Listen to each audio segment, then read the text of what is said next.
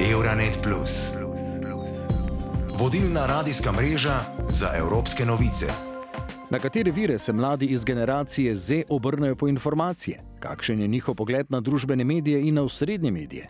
Več o tem in tudi o načinih obdelave ter razširjanja informacij oziroma zaupanja v medije bomo tokrat pod drobnogled vzeli v prispevku Euronet Special Gen Z. Veliko se zadnjih nekaj let govori o problematiki idealiziranih objav na družbenih omrežjih in spletnih medijih. Predvsem za pripadnike generacije Z so objave na spletu veliko krat namensko predelane in grafično spremenjene, tudi s prirejanimi videoposnetki. Nekatere spletne vsebine, predvsem pa odnosi na spletu pripadnike generacije Z potrejo, razjezijo, spravijo v slabo voljo. O mladih, ki plujejo med informacijami in družbenimi omrežji, smo poprašali tudi dr. Tanjo Oblak Črnič z Fakultete za družbene vede v Ljubljani. Komu mladi pravzaprav najbolj zaupajo? Na prvo mesto družbeno omrežje oziroma uh, aplikacije.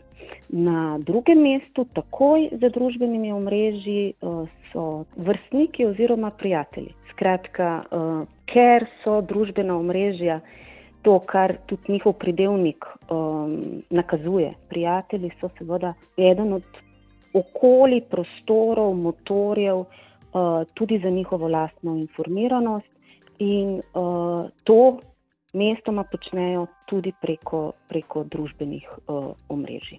Kakšen pa je njihov pogled na družbene medije? Glede na seveda številne aktivnosti, prakse, s katerimi se njihove rabe družbenih omrežij povezujejo. Gre seveda za prostore, kjer se mladostniki dobro znajdejo, kjer se medsebojno um, spoznavajo, informirajo, družijo. Ne na zadnje so to tudi lahko pomembna okolja za neko pridobivanje uh, podpore in ne na zadnje tudi medsebojne pomoči. Zelo koristna so to orodja pri določenih težavah, ki jih imajo morda pri učenju oziroma v šoli, uh, in se skozi na nek način tudi budrijo in seveda tudi pomagajo. Kaj pa zaupanje generacije Z v tradicionalne medije, da nimamo televizijo, radio in tisk? V vseh teh treh primerih bi rekla, da gre za generacije, ki stopajo v tradicionalne kanale, po drugih poteh, kot smo jih morda bili vajeni mi, ko smo še odraščali v analognem svetu. Eh, ne bi rekla, da ne vedo, kaj je radio ali da ne poznajo časopisov, vendar pa do njih preprosto prehajajo skozi spletna okolja in seveda tudi tehnično gledano imajo priložnost eh, vsebine v tradicionalnih eh, medijih spremljati preko, bom rekla, novih mehanizmov delovanja. Ne? To so gledanja zamiki, uh, gledanja takrat, ko imajo čas, oziroma ko si na nek način strukturirajo svoje druge šolske in obšolske dejavnosti. Predvsem pa gre za bistveno bolj, bom rekla, personaliziran način uporabe. Se pravi, po eni strani je s tem hitreje definiran njihov lastni okus, po drugi strani se pa seveda uh, za voljo zanašanja na delovanja in logiko, ki jih spletni mediji imajo, ne, uh, prvenstveno soočajo z vsebinami, ki so seveda tudi algoritemsko, um, bom rekla, jim ponujena. Ali torej pripadniki generacije Z zaupajo medijem in ali so morda skeptični do podanih vsebin? Vnaprej jim ne bi pripisovala kakšne naivne drže. Smo zaznali kar nekajkrat zelo izrazito skrb za njihovo lastno zasebnost. Previdni so, ko se odločajo, na kakšen način se vedejo v specifičnih aplikacijah in družbenih omrežjih. Tako da o, sami sebe percepirajo kot relativno dobro podučene, um, ki um, na nek način se hitro znajdejo v digitalnih okoljih, uh, imajo tudi določene veščine in kompetence, primerjaje starši pa seveda svoja lastna.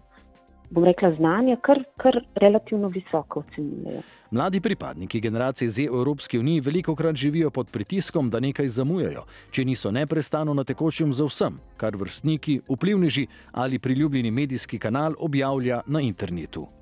O poplavi vseh informacij je zatorej potrebno biti še posebej previden. Evropska komisija je že tretje leto zapored podprla produkcijo dnevnih vsebin o aktualnih zadevah iz Evrope od mladih evropejcev za mlade evropejce. Letos je razpis imel proračun v višini 9 milijonov evrov s povečanim sofinanciranjem Evropske unije do 80 odstotkov. Razpis je želel približati Evropsko unijo mladim, jih spodbuditi, da postanejo aktivni državljani in jih povezati čezmejno. Razpis je zdaj zaključen, a naj bi ga ponovili tudi v prihodnje. Jovan Djukič je študent iz Beograda in glede iskanja informacij pravi: Uh. Uh, ne samo v Srbiji, ampak mislim, da vsi iščemo informacije po internetu, ker je tako hiter in enostaven za posodabljanje. Če pa želim informacije podrobneje analizirati, recimo poglobljeno, bom poiskal kakšen tednik. Tedniki so še kar dobri. Čeprav veste, problem srpskih medijev je, da imamo polarizirane medije. Ali ste provladni ali protivladni, vmes pa žal ni. And unfortunately, there is no in between. Ali mladi v Srbiji uporabljajo Facebook kot glavni vir informacij? Uh, my generation, of course, not. Hm, moja generacija, seveda ne, prej generacija boomerjev. Mislim, da moja generacija, naša generacija, uporablja predvsem TikTok, morda tudi Twitter in Instagram. Tudi ostali, da nimo slavni pevci, igralci, celo politiki. Mislim, da smo vsi preobremenjeni s to vrsto intenzivnosti v poplavi informacij. Včasih je težko izbrati med med pravimi in napačnimi. Right Tudi drugi pripadniki generacije Z iz drugih držav imajo podobne izzive. Kalina Coneva iz Bolgarije izpostavlja, da. Ne misleč, te so toliko razpravljali. Nisem prepričana, da so klasični mediji dan danes tako priljubljeni. Ne vidim ljudi, ki kupujejo časopis ali poslušajo radio tako pogosto, kot gledajo novice na televiziji ali jih preverjajo na Facebooku. Sama uporabljam novejše stvari oziroma medije in tehnologije.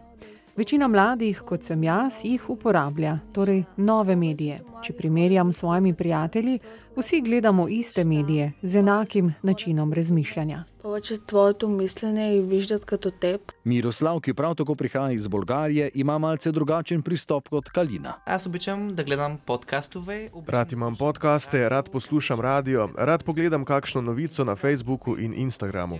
Spremljam različne medije, manjše medije, neodvisne od velikih. Lažne novice so dan danes zelo pogoste, zato je težko zaupati pravim.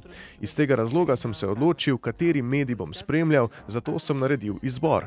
Zelo pogosto Pogosto so ljudje v moji starostni skupini pod mnenjskim vplivom drugih, vendar to ni prav. Vsakdo ima pravico izbrati svoj način razmišljanja.